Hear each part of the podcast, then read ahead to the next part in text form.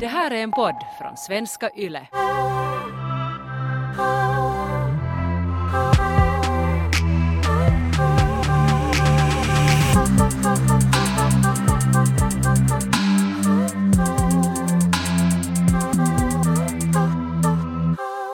Ronja, har du varit svartsjuk på dina partners ex-partners? Jag hade ett ex som tyckte att det var jätteviktigt att jag och hans ex skulle ha ett förhållande och det var ju shady.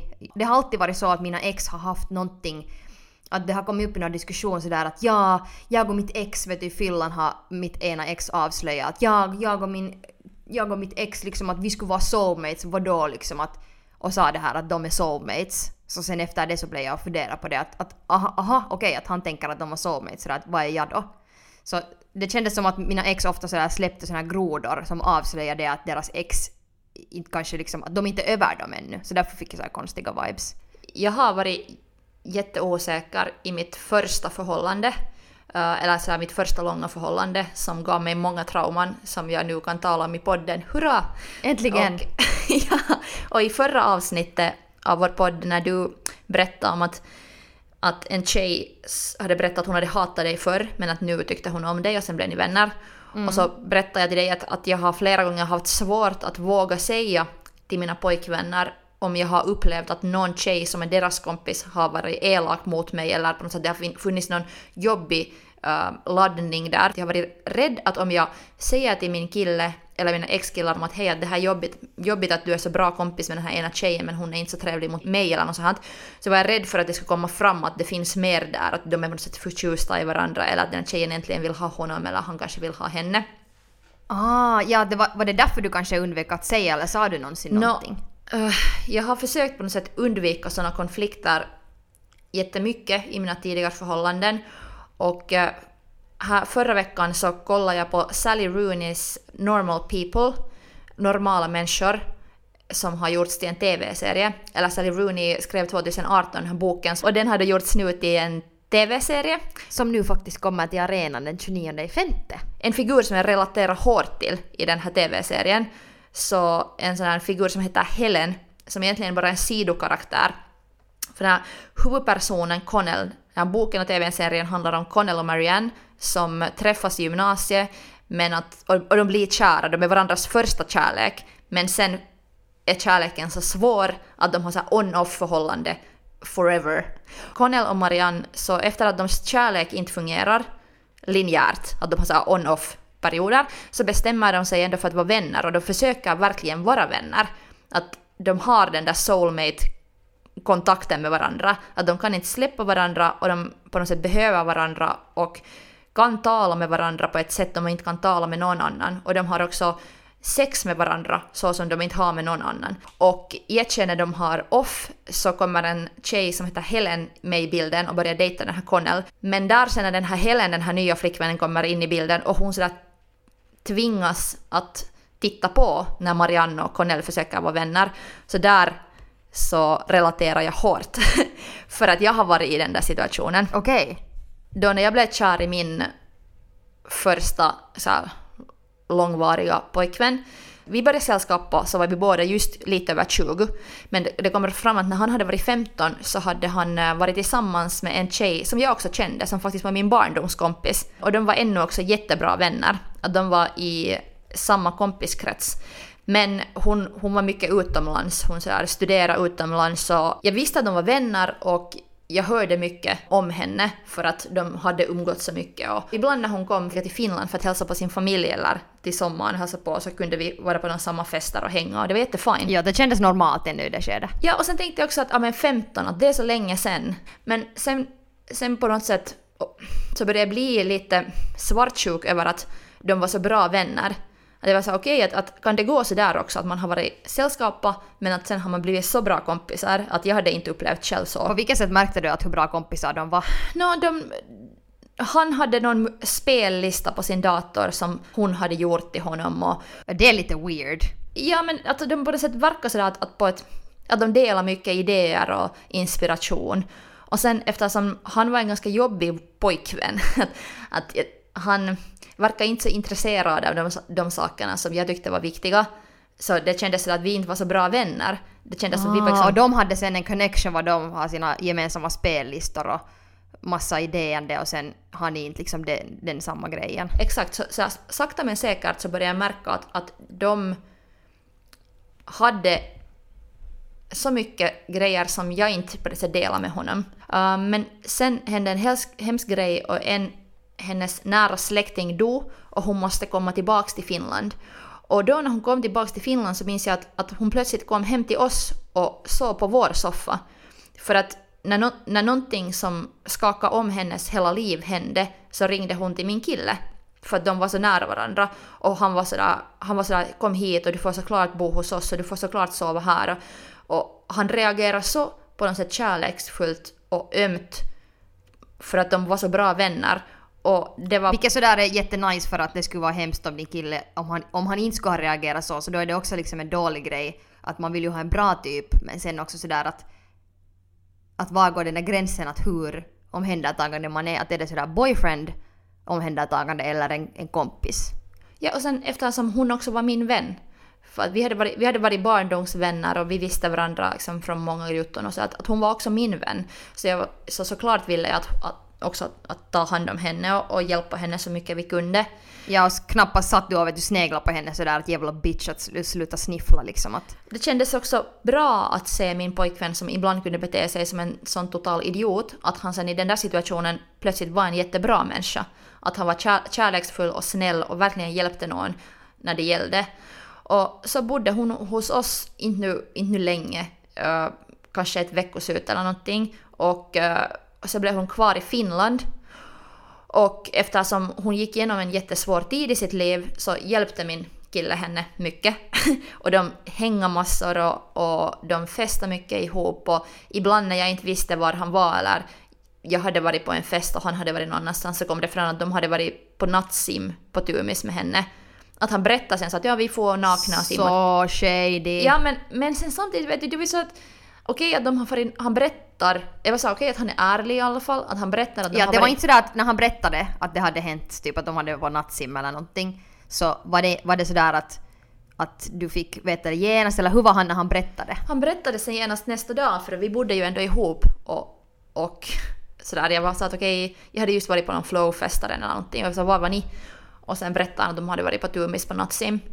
Och jag minns att ja. sådana grejer tog jätteont Ja, Men sen, sen var jag så att, att jag, jag kände sådär att, att om jag säger någonting så blir jag den där jobbiga tjejen. Att de, de har en fin... Ja, du, man blir den där giftiga typen som är sådär... Att de har en fin vänskap och de är på något sätt jätteviktiga för varandra och helt tydligt finns det någon slags kärlek där. Men jag mm. vet inte riktigt vad det är och, och jag just kände att det var på någon sån här, jag var inte avundsjuk för att, eller svartsjuk för att det kändes att det var så just en soulmate Ja, de är nära på ett sätt som du vet att ni inte är. Exakt. Eftersom det var en så komplicerad situation med allt det att hon hade förlorat någon som var nära och han stödde henne och mm. jag, ville också, jag ville också vara snäll. Jag ville liksom... Jag ville på något sätt ändå... Jag, jag ville också att hon skulle må bättre. Jag ville också göra allting för att hon skulle må bra. Såklart, du är ju inte en psykopat. Jag, jag tror att jag bara bestämde mig också för att lita på min kille. Jag var en jätteung och jag upplevde sådana här komplicerade kärleksmönster för första gången så, så valde jag, jag gjorde liksom ett aktivt val att, att vara vän med dem båda och, och att på något sätt lita på dem. Men det var ju jättebra. Jag minns att jag talade hemskt mycket om mina känslor till mina kompisar och de kunde vara så att låta inte så bra eller att han, han beter sig inte bra mot, mot dig för att han gjorde just han var, han var ganska hemsk mot mig. Eller jag, jag kunde liksom inte lita på att få hjälp av honom. Och det var det som det, var, det kändes sådär att, att, att han, han var alltid redo att hjälpa henne, men om någonting hände till mig så gjorde han inte samma. Och det var där sen som jag sen blev riktigt sårad. Om, du, om han skulle ha varit helt jättekärleksfull och vanlig till dig och sen jättekärleksfull mot hans då kvinnliga kompis, så då skulle du ju säkert inte tänkt på det här. Jag tror att jag visste liksom att där finns, där finns någonting som är större än mitt och hans förhållande. Att de är just sådär soulmate på ett soulmates själskumpaner på ett sätt som jag och han aldrig skulle bli. Och att jag visste det, men jag lite så här köpte tid till vårt förhållande genom att inte säga högt. Jag var så rädd för att bli sårad, för att bli utbytt. För att det var som sagt mitt första förhållande så ingen hade lämnat mig på ett sådant sätt. Jag hade aldrig gjort slut med någon sådär.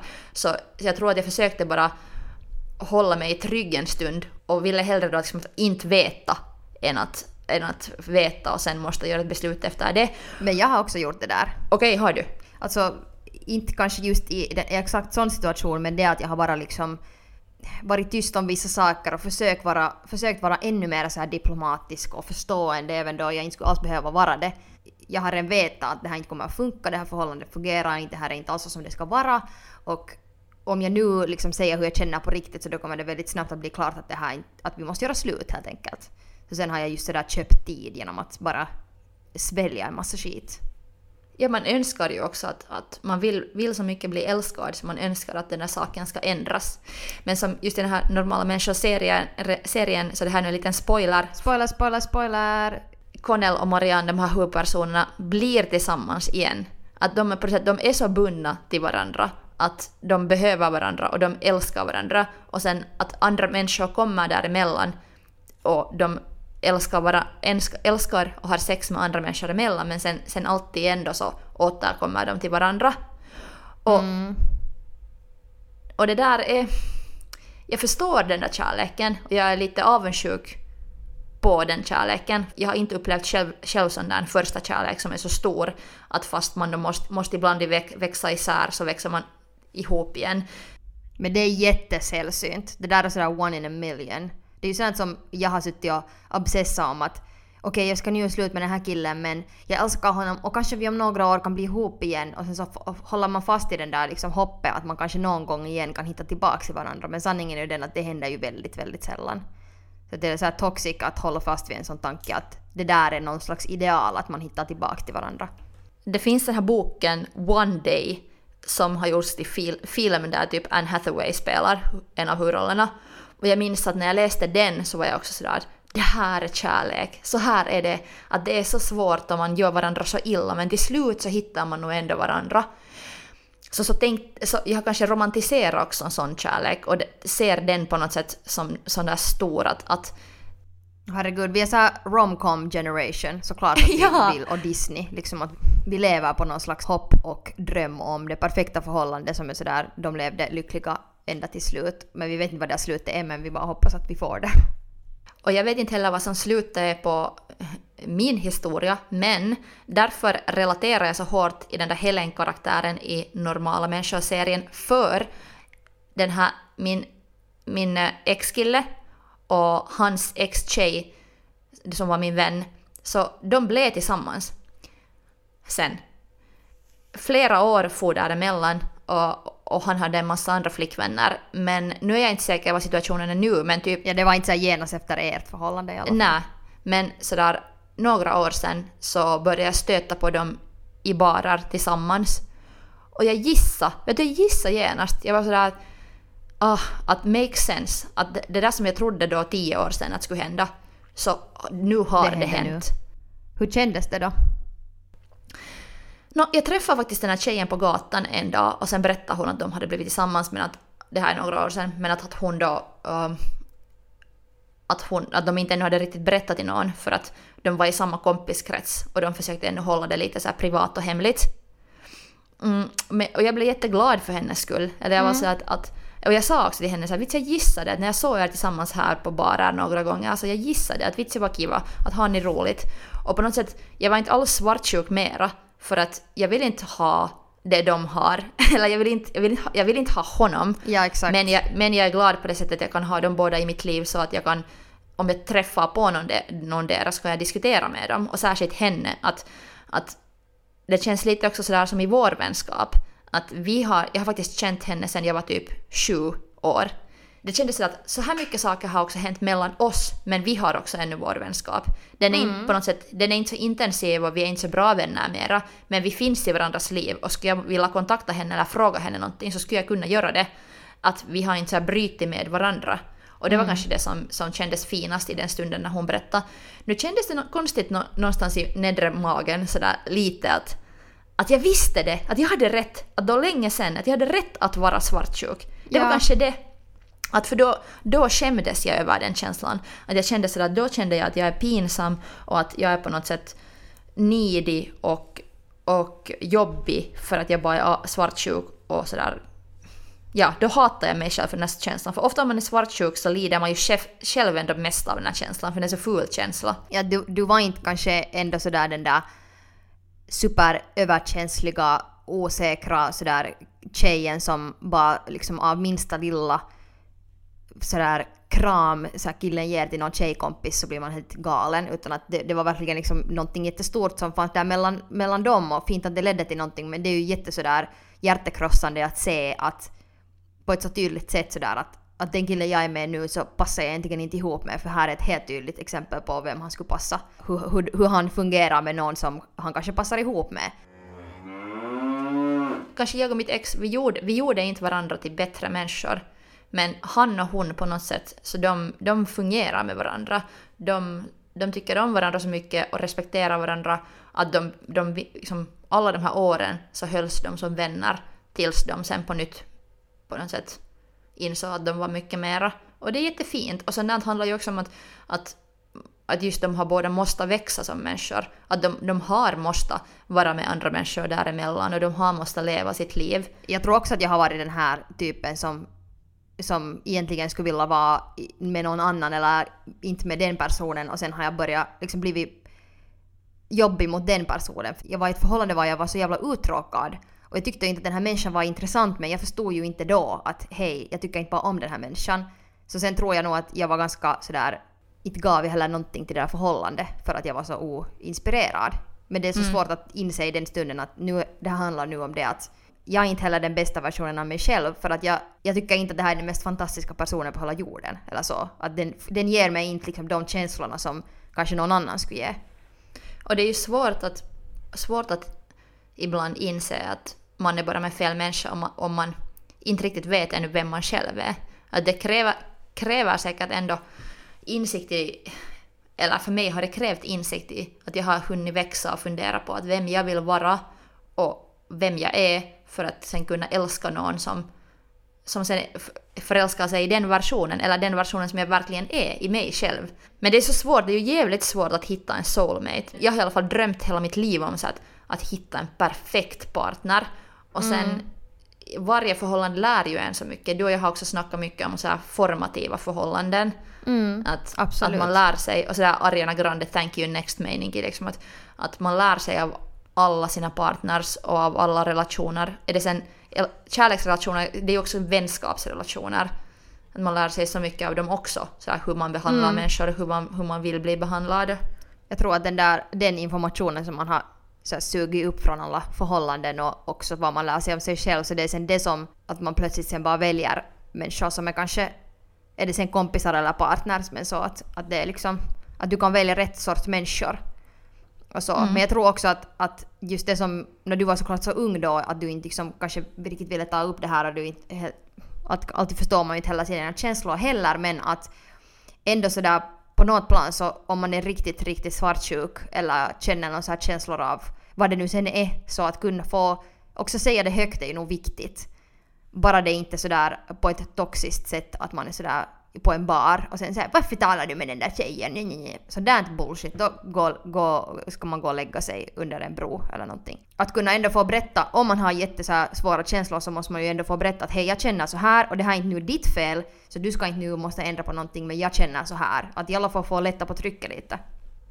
Det, det jobbiga i den kärleken var just att jag ville bara så mycket bli älskad och jag ville bara så mycket uh, på något sätt vara flickvän.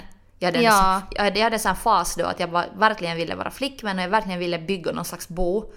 Och, eh, och när, vi hade börjat sällska, när vi hade börjat sällskapa med min kille så i början av vårt förhållande så var han jättesvartsjuk. Varje gång jag talade med några andra killar och just till och med om jag talade med hans kompisar så kunde han bli helt liksom, vi måste gå hem från baren för att han hade blivit så svartsjuk. Men det där är också intressant att, att när någon är jättesvart, de själva är svartsjuka så börjar du tänka i samma banor. För jag har haft det där att, att när, när den andra liksom är den som är svartsjuk och sen så blir du också sen plötsligt på samma vis för att du är lite sådär, det blir liksom en sån här toxisk så här stämning och sen så allt blir bara fel. Men vi hade mer sådär att det på något sätt bytte helt och hållet. Okej. Att från att, han först, för, från att han först var jättesvartsjuk på alla andra killar som jag talade med eller visade någon slags uppmärksamhet till, så sen plötsligt så bytte det helt totalt. Att jag vet inte, det kändes kanske också sådär att ville han straffa mig? så, så tror jag att jag tänkte då. Att är det här nu någonting att, att straffa han mig nu? Men sen, sen insåg jag också något att han hade kanske bara slutat älska mig på samma sätt för att Det kan han, vara att han inte bara var mera, för jag menar om, om man är svartsjuk typ så inte försvinner det nu sådär bara. Att jag tror att ja, då är det nog mycket sådär jobb eller så att det, det känns som att okej yes, att nu har vi kommit över det här men att det plötsligt bara tar slut. Så då kan det också kännas för en själv sådär att "Nå, varför kan du nu inte ens vara lite svartsjuk? Ja, ja jag, minns, jag minns att jag saknade sen, från att det, förstörde vårt liv, att han var så svartsjuk, så sen att han plötsligt inte ens brydde sig. Att det var helt, Ja. samma, helt samma var jag var, vad jag gjorde, att han kunde inte ens tänka sig att jag skulle göra någonting. Så jag minns att jag sen lite saknade att han på något sätt brydde sig. Och sen, och ja, sen hur kunde det gå från noll till hundra eller från hundra till noll så plötsligt? Ja, och sen plötsligt flippade just det där att jag blev den där jättesvartsjuka. Så, men det där är ju, det låter så sådär att jag förstår varför du har känt som du har känt för att det har varit så ändå sådär stormigt redan färdigt och sen sen liksom ändrar det och sen kommer det en annan person in i bilden och inte undra på att du hade, hade de känslorna och kände dig osäker. ett par gånger innan hon den här, min kompis berättat att, de hade blivit tillsammans med mitt ex, så just när jag hade träffat, träffat på dem på någon barer, så minns jag att, att det kändes jätteroligt att hänga med dem. Att jag var, jag var där med min nya pojkvän och de, de var där tillsammans och vi hängde nästan alla fyra. Och en stund kändes det sådär okej att kanske livet kan gå så, så här. Att på något sätt, att kanske vi kan vara kompisar alla. Och det var roligt att, att sådär träffa på varandra. Och helt säkert nu också om vi skulle träffas på någon just festival eller på någon bar, vilket kanske nu inte händer på en stund, höhö. Men sådär att det skulle vara okej. Man skulle till och med kunna snacka lite.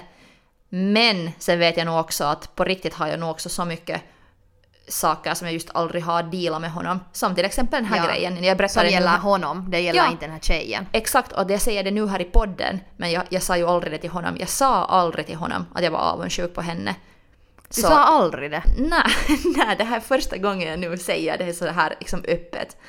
För att som sagt, jag var så rädd för att han bara skulle bli arg, att jag skulle förlora honom, att jag skulle förlora henne, att de på något sätt skulle försvinna. Och att jag var så rädd, rädd över att vad skulle hända om jag skulle berätta sanningen. Och därför kändes det så skönt nu att sen för några år sedan få veta att, att de hade blivit tillsammans igen och att, att den här laddningen sättet alltid har funnits där. Att det kändes just så okej, att jag var inte galen. Ja, du har inte hittat på något här nu, har du inte varit Ja. någon sån här psycho bitch. Men sen just det där, jag, jag vet i princip hur han skulle ha reagerat om jag skulle ha sagt grejer. Han skulle bli liksom arg och varit så här att, att mind your own business liksom. Mer så. Och så gör också i den här normala människoserien så gör också den här Connell, den där huvudpersonen, att han blir jättestörd varje gång den här hans nya flickvän säger, eller att, att till, till det är exempel, inte rätt reaktion. till exempel de har varit på en begravning och sen är hon här flickvännen så att hej du stirrar, stirrar på Marianne hela tiden. Att det känns inte bra, det känns jättejobbigt för mig att måste sitta där när du stirrar på en annan kvinna. Och sen är han här, hej att det var en begravning, att sorry om du inte hade roligt men det var en begravning. Att han så här förminskar henne No, med att, med att säga att det var en så jobbig situation. Och det, där, och det där är ju just det där, och, det, och där också relaterar jag till vet du, att, att den här tjejens släkting hade dött och hon gick, hon gick igenom något jättejobbigt så han måste stö, mitt, ex måste stödja honom. Ja, det är lätt att sådär gömma allting under den grejen. Det är liksom lätt att skylla på det sen. Hur känner du nu med svartsjuka liksom att, att är, det här no, är det någonting som Tycker du att, att man kan vara lite svartsjuk eller ska man helst inte vara alls det eller, eller får man vara jättesvartsjuk? Alltså jag är en svartsjuk person. Det blir, om jag älskar någon och eh, blir orolig för att den kanske inte älskar mig lika mycket så blir jag jättelätt svartsjuk. Och det är en känsla jag har måste lära mig om och lära, lära mig att på något sätt leva med och, och lära mig att hur jag ska göra om jag känner den här känslan. För det, det är en så ful känsla på något sätt, man så lätt äta en inifrån. För att man lider i tystnad och sen blir man bitter och arg och, och jag, jag tror att jag sen fast jag inte vågar säga det som egentligen var problemet, så tror jag att jag sen nog gjorde en massa dumma grejer mot min pojkvän för att jag ville ändå straffa honom på något sätt. Just det. Det måste komma ut på något sätt. Ja, och till exempel om, vi, om jag blev full så typ lämnade jag honom alltid och sprang iväg. Att, Ja. att, så här, jättebarnsliga mekanismer. Men därför måste man fucking öppna sin trut och tala för det där skiten kommer ändå ut någonstans ifrån. I den relationen som jag är nu i så har jag märkt att, att när vi blev tillsammans med varandra så talade vi jättemycket om alla våra ex. Så mycket att det i något skede blev sådär att båda var så att, att vi måste sluta med det. Ja, det, det känns... Nej, det, är- det är inte så här in på, på detaljer riktigt. Det är inte kanske så hemskt. Men på något sätt så krävdes det nog för att, för att vi sen fick allt det sagt och alla de där... För det fanns, i vårt förhållande så fanns det också en massa grejer som, som, som måste klaras upp innan vi kunde bli kära i varandra på riktigt. Vi gick igenom många, många diskussioner om ex eh, i typ två år. För inte vågar vi kanske heller helt först berätta alla sanningar och, och När det kommer sådär steg för steg. Ja, men sen när de kom fram så kändes det så att okej, nu har vi bundit oss i varandra på ett helt annat sätt, att nu vågar jag. Okej. Och Och sen- sen, det kändes sådär helande på något sätt ändå. Ja, och sen nu vet jag varje gång jag har hållit någon, om jag har blivit jättesvartsjuk över någonting, så har den här känslan bara vuxit i mig tills den har exploderat fram i något gräl sen eller i någon situation. Och sen känns det alltid så lättande efter det där grälet, fast man, är lite, fast man vet att man har okej, kanske nu sagt någonting som, som egentligen är obotligt. Men hittills, Ja. hittills så har jag nog alltid märkt att ändå ärlighet är det enda jag har. Att ärlighet är det, Det är enda... så viktigt. Ja, och ärlighet är egentligen det enda som jag kan bygga riktig kärlek på. Mm. Om jag vill att det ska hålla. Såklart man får ha hemlisar och inte behöver man berätta alls allting till varandra. Ja, och sen också att hur man berättar någonting. Att, sådär att om man snackar om att vara svartsjuk så att man aldrig beskyller den andra eller så om inte det har hänt någonting som ska beskyllas. Men så att om det bara är ens egna känslor att man också sådär förklarar det på rätt sätt så att det inte är sådär beskyllande eller sådär shady utan att det är just det här är mina känslor och, och allting. Att det inte blir en sån här beskyllande och jobbig grej som känns bara jätte sådär giftig för den andra. Ja, och sen handlar det ju om att lära sig att kommunicera. Ja, så att hur känner jag och vad är den här känslan som jag känner nu? Att du kan beskriva den, att du inte tror att det är någonting annat. Att man så här vet rötterna till ens problem. Det som, eller som är så svårt i kärlek och i människorelationer är ju just att kommunicera ärligt och bra med varandra. Att man kommunicerar så ofta på något sätt förbi varandra. Ja, och jag förklarar ibland saker också helt fel. Att jag, det är den meningen som kommer ur min mun, så det var inte exakt det som jag liksom försökte säga. Att på väldigt så här hårfina skillnader så kan en partner också tolka helt fel eller det kan bli liksom fel ton där eller det kan låta som någonting som den andra kan sen tolka på fel sätt eller på ett negativt sätt. Det är så jävla noga hur man säger saker också. Men jag tycker ändå att sådär, det är viktigare att tala och kanske snubbla fram och måste säga att ah, sorry det var inte det där jag menade utan det var det här. Än att man inte säger något alls. Därför tror jag att, att man måste lära sig att tala om sina egna känslor för att kunna lära sig att älska. Så sant. Du är så vis. Att just, ja, jag blivit så smart. Det här, men, men samma som i den här normala människoserien och som, som med mitt ex och den här min kompis som sen blev tillsammans. Så ibland måste man ju våga liksom leva för att sen lära sig att, att, Så är det. att fundera på att vad sen är den där riktiga kärleken, vad är, man vill, vad är det man vill och, och med vem kan man ha de där diskussionerna. Ja, så här, vad vill jag kanske- av det här? Och är, det här? är jag lycklig här? Och vad, är det här känns, känns det här bra för mig? Och inte så mycket sådär att Nå, herregud, nu är det jag som blir dumpad. Att man sätter sig själv liksom högre upp där. Att, att jag inte är den som är minst värd i den här situationen. Men kanske också det att, att hur, hur ska man veta hur det ska kännas om man inte har lite fått testa runt? Nå, det är sant. Om man inte, om man, så att just den här normala människan, hon är Marianne, den här kvinnliga huvudrollen, så hon mister sin oskuld med den här huvudpersonen, killen. Sen efter det så måste hon liksom bara med erfarenheter inse att, att fan också, att det var, en, det var en kärlek på en sån annan nivå, att fast de hade sex för första gången så hon på något sätt älskar honom, hon har känslor för honom som hon inte har, har med någon andra människa, så de sex är också helt annorlunda. Att sen försöker hon älska andra människor, hon försöker ha sex med andra människor, men det blir bara fel för att det är inte den samma kärleken. Och det där, hur kan man veta det där om man bara haft sex med en människa eller bara äl- Exakt. sådär. Att det är också sådana saker som, som man lär sig med att knulla runt.